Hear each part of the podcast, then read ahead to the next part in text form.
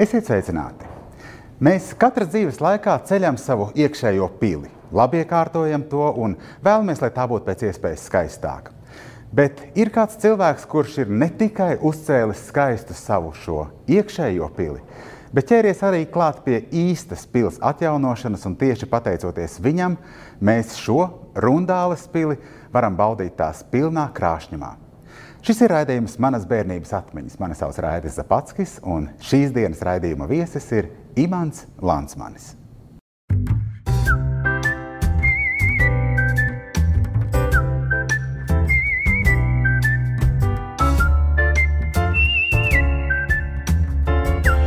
Mans bērnības atmiņas. Labdien, Lansmaņkungs! Labdien! Man ir prieks, ka jūs piekritāt piedalīties raidījumā par savām bērnības atmiņām. Un, eh, man liekas, ka tā ir tēma, kas Latvijā skan ļoti reti. Un droši vien pirmais jautājums, ko es jums gribētu uzdot, kāda ir jūsu spilgtākā bērnības atmiņa, ko jūs atminaties? Jā, lai cik tas nebūtu dīvaini, tas ir saistīts ar karu. Es esmu kara bērns. Un nevar jau teikt, ka maziņš bērns to izjust visā pilnībā, kas ir karš un kas ir kara posts. Un, eh, tāpēc manas spilgtās atmiņas būtībā tas ir kadrs, ko es redzu savā priekšā visās detaļās. Es varētu to uzzīmēt vai uzgleznot. Un iedomājieties, eh, tā ir aina, un darbība notiek 1944. gada jūlija beigās. Gan izvēl precīzi manā trešajā dzimšanas dienā. Un eh, šajā brīdī es esmu laukos pie vecmāmiņas, kur māte aizveda cerībā, nu, ka tur būs mierīgāk nekā Rīgā. Un noteikti tieši pretējais. Upes otrā krastā ir sarkanā armija, kur šauj uz mums, un mūsu pusē ir vērmakts. Un tā tad māte man satina tādā sagā, un eh, pat cik māja jau bija jau tikus pirms tam bombardēta, aiznes laukā, vienā grāvī, protams, sausā grāvī, un ieliek grāvī zem tiltiņu. Tāds maziņš, no pāris laipām tiltiņš. Un es tur guļu un gulēju ļoti ilgi. Kāpēc es to atceros? Ne jau man bija bail, man bija ārkārtīgi garlaicīgi. Es domāju, nu, kad mamma nāks. Un, un uh, viss tā laikā es nofotografēju to, ko es redzu virs sevis. Un tur no grāva nāk ārā smilgas. Smilgas, dažādas puķītes, un liecās man tā skaisti pāri.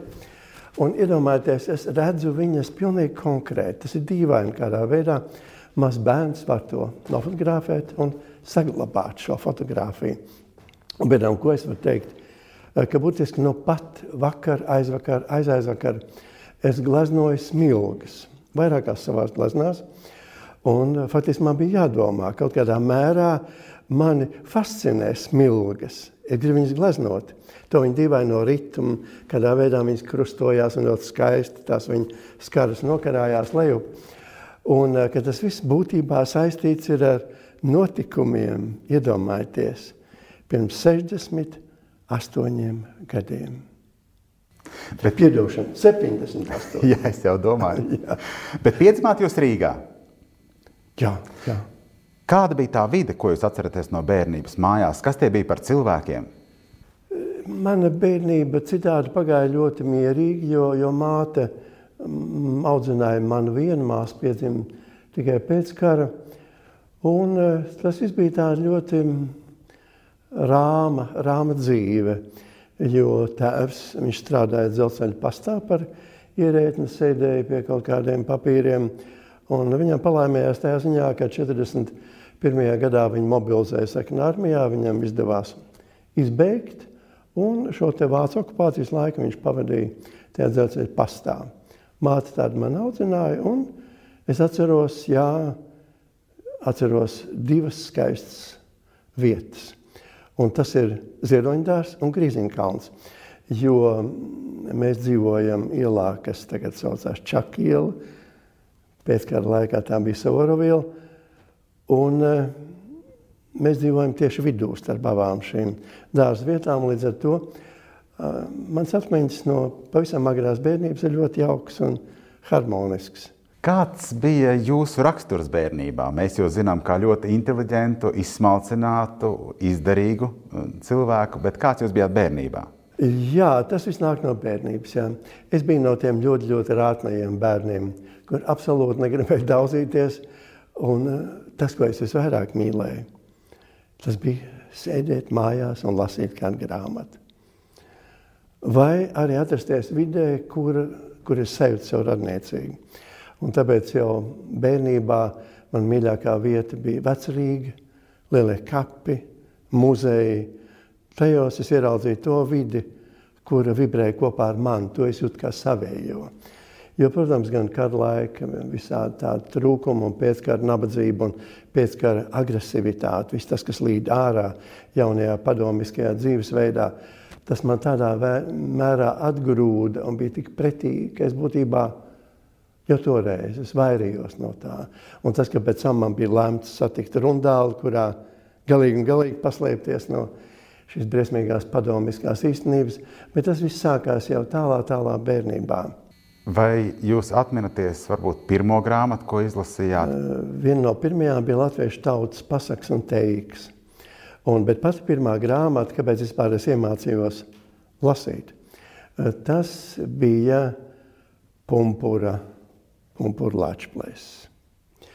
Nopietni. Un, jā, tas man absolūti aizrāva. Es joprojām uzskatu šo grāmatu par ļoti nozīmīgu un arī par pumpuru spēju tādā eposa veidā nostilizēt šo tēmu. Un pēc tam ne tikai nostilizēt to formu, ne tikai izstāstīt sižetu, bet radīt kaut kā tādu maģisku noslēpumainu atmosfēru. Un tas bija tas, kas man tur piesaistīja. Bet, ja jūs meklējāt tādu vientulību un norobežošanos no apkārtējās pasaules, vai tas nozīmē, ka jums bērnībā nebija draugu? Man negribējās iet tajā sētā, un viss tāda bērnu daudzīšanās, un kā ir īpaši pēc kara tur gāja par ielām, un tur sākās jau tāda diezgan nepatīkama grūstīšanās starp latviešu bērnu grupiņām un tādu krievu puiku grupiņām. Es centos no tā vairīties. Eh, bet pats skaistākais, kas bija, Es jau minēju vecmāmiņu, viņas mājas pie Lielupas. Un jā, māja gan tad arī beig, beigās tomēr sapampardēja tā padomu aviācija. Jā, tur varēja tad uh, dzīvot vairāk tādā kustīgā gaisotnē un, un neteiksim tur īpaši kaut kā daudzīties, bet nu, spēlēties ar, ar šiem radu bērniem, un tas bija ļoti jauki. Vai jums no bērnības ir palicis galvā arī kāds dzējolītis? man ir jāatzīstās vienā vājībā, ko cilvēki varbūt tā īsti nezina. Man ir visā visumā laba atmiņa. Un, piemēram, ja mēs runājam par vēsturiskiem datiem, ja, tad man laimīgā kārtā ir īsta datu bāzes, var izvilkt jebkādu vēsturisku notikumu, un viss tas man ir. Bet iedomājieties, es nevaru atcerēties ceļoļus. Un, um, tā ir kaut kāda īpatnēja īpatnēja atmiņas forma. Un es no četras rindas kaut kā varu, vairāk nē. Un es tāpēc abrīnoju aktierus, kur var nostāties priekšā un runāt, runāt, runāt. Vai viņi tiešām redz priekšā to grāmatu? Es nezinu. Es, nezinu. es arī redzu grāmatu, bet es grāmatā redzu gadu skaitļus, notikumu gadu skaitļus. Kādreiz es ļoti gadi atbildēju Un tā būtībā bija atzīšanās, ka es esmu nespējīgs paturēt galvā dzīvolī. Jūs uzbūrāt tādu bērnības ainu, ka jūs lasāt grāmatas, cenšaties vairāk palikt vienatnē, bet kā ar bērnības nedarbiem? Jā, atkal jāsaka, tīri vai kauns atzīties, ka es biju tik prātīgs bērniņš. Ne, ir kaut kādas lietas. Viena lieta, ko es tādu nesaprotu, par ko vecāki gan ne jau dabūja brāzienu, bet vienkārši bija izmisumā un šausmās. Es biju mājās, dzīvoklī, sarīkojis no papīriem maziņu ugunskura. Kas man bija galvā, Dievs zina. Jā, nu tādā grēkā man jāatzīstās, bet visā visumā man nebija tieksme. Es pat atceros, ka uh, māte vienreiz tā smiedamās teica, ka viņa ļoti priecīga, ka es vairāk kāptu kokos un darītu nedarbus nekā sēdēt pie grāmatām un ka laukos arī es gaidīju, ka līs, uh, līs lietas, jo tad es varēšu mierīgi doties uz bēniņiem, kur um, tantei bija ļoti daudz grāmatu. Un, um, tā skaitā grāmata, kas ļoti ietekmējusi visu manu dzīvi, ir, tas ir Rudolf Egls un Andrei Upīša pasaules rakstniecības vēsturi 20 sējumos. Un ko es reiz vai iemācījos no galvas, jā. Tā man vienlaikus, tev gan ieskat pasaules literatūrā, vienlaikus tas jau ir civilizācijas vēstures apskats. Un ja tam iziet cauri, kaut kādā mērā viss, kas ir noticis ar pasaules civilizāciju, tas viss acs priekšā tur risinās un rada tēlus, ļauj tos stādīties priekšā. Un tāpēc man tas ļoti daudz ko nozīmēja. Un atkal, kā redzēt, tas iezīmē to manu neglābamo vēlēšanos vērsties pagātnē. Tas viss veidojās jau manā bērnībā. Bērnībā jūs jau kaut ko zīmējāt? Jā, man patīk, man ļoti patīk.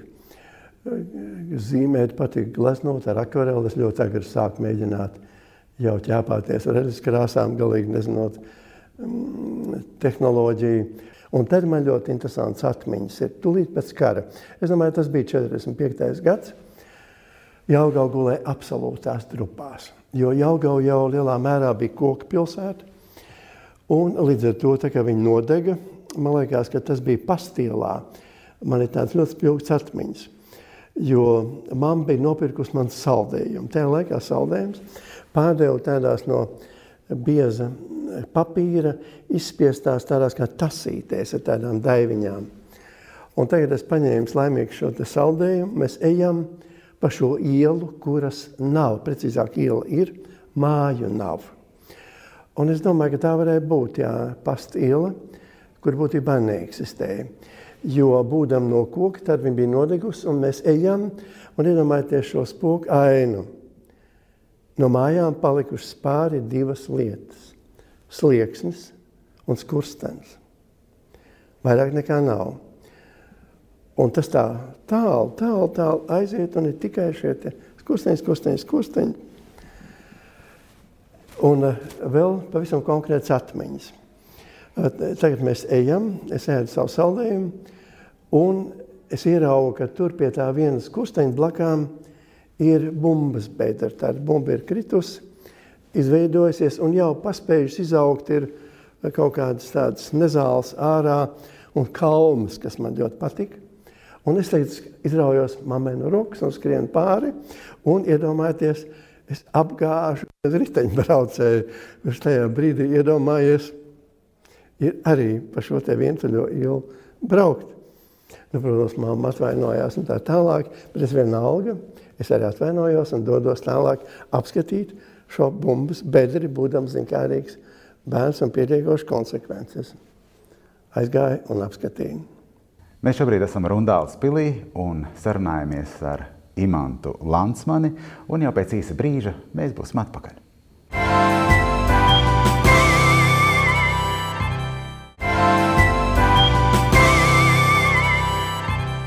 Šis ir raidījums manas bērnības atmiņas, un Šīs dienas mūsu īpašais viesis ir Rundāles pilsētas grants Imants Lansmanis.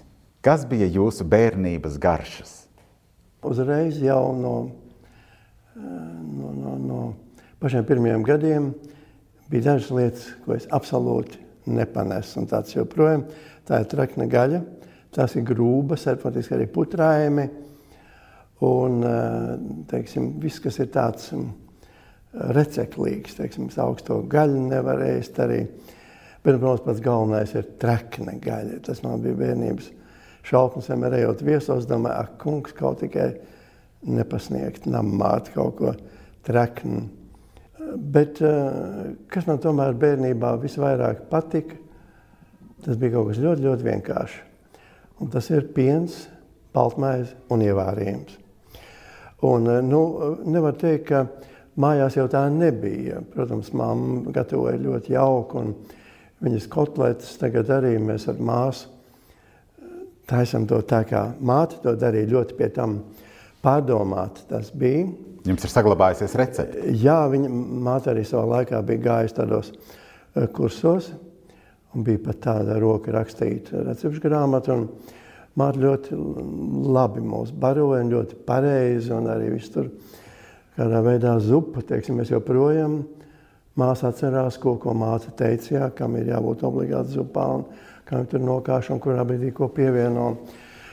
Tā kā man tajā ziņā prasīgums ir bijis visu mūžu, jo toreiz es um, apgūstu dažas lietas, kas man joprojām ārkārtīgi saista, un tā ir nevis baltmaize, bet lauka rupmaize.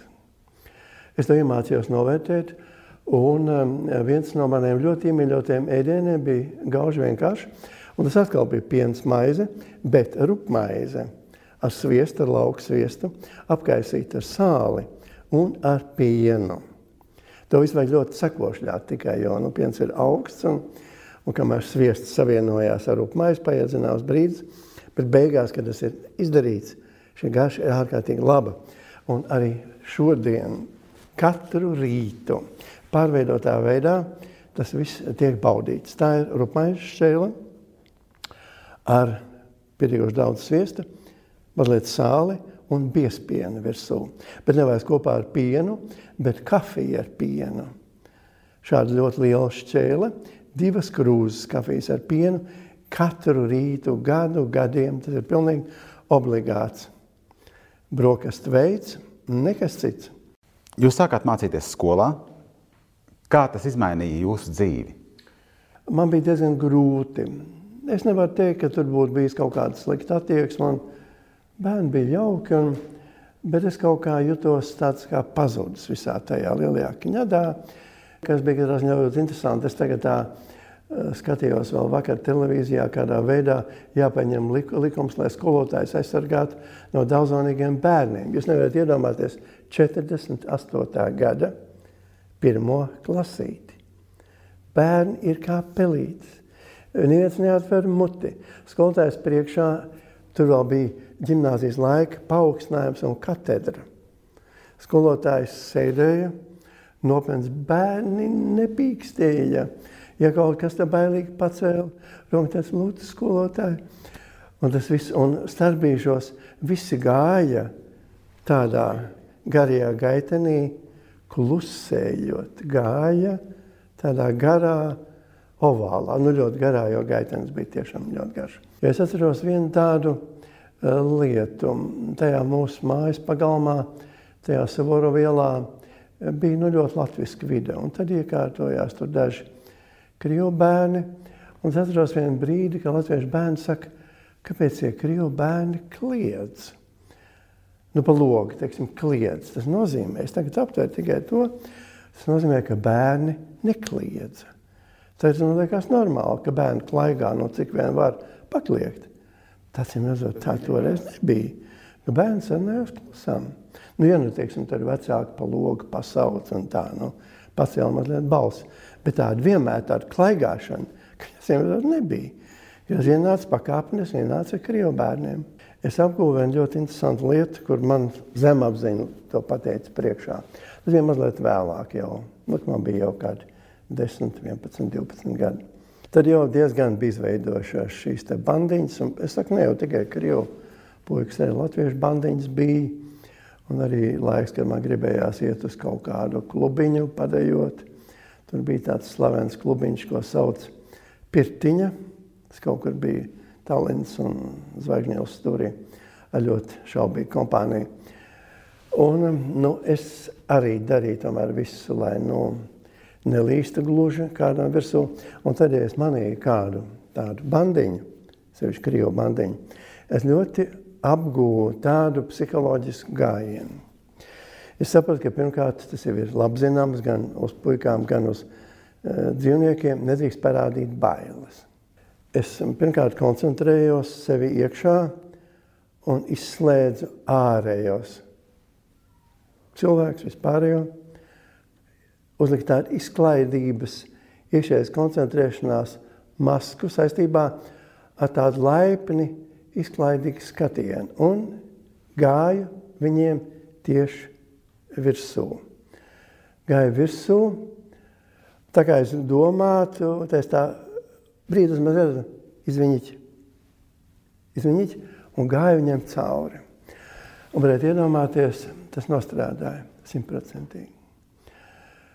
Nu, bija lietas, kuras, protams, arī jūtu, ka tur pārāk uzlādēta atmosfēra.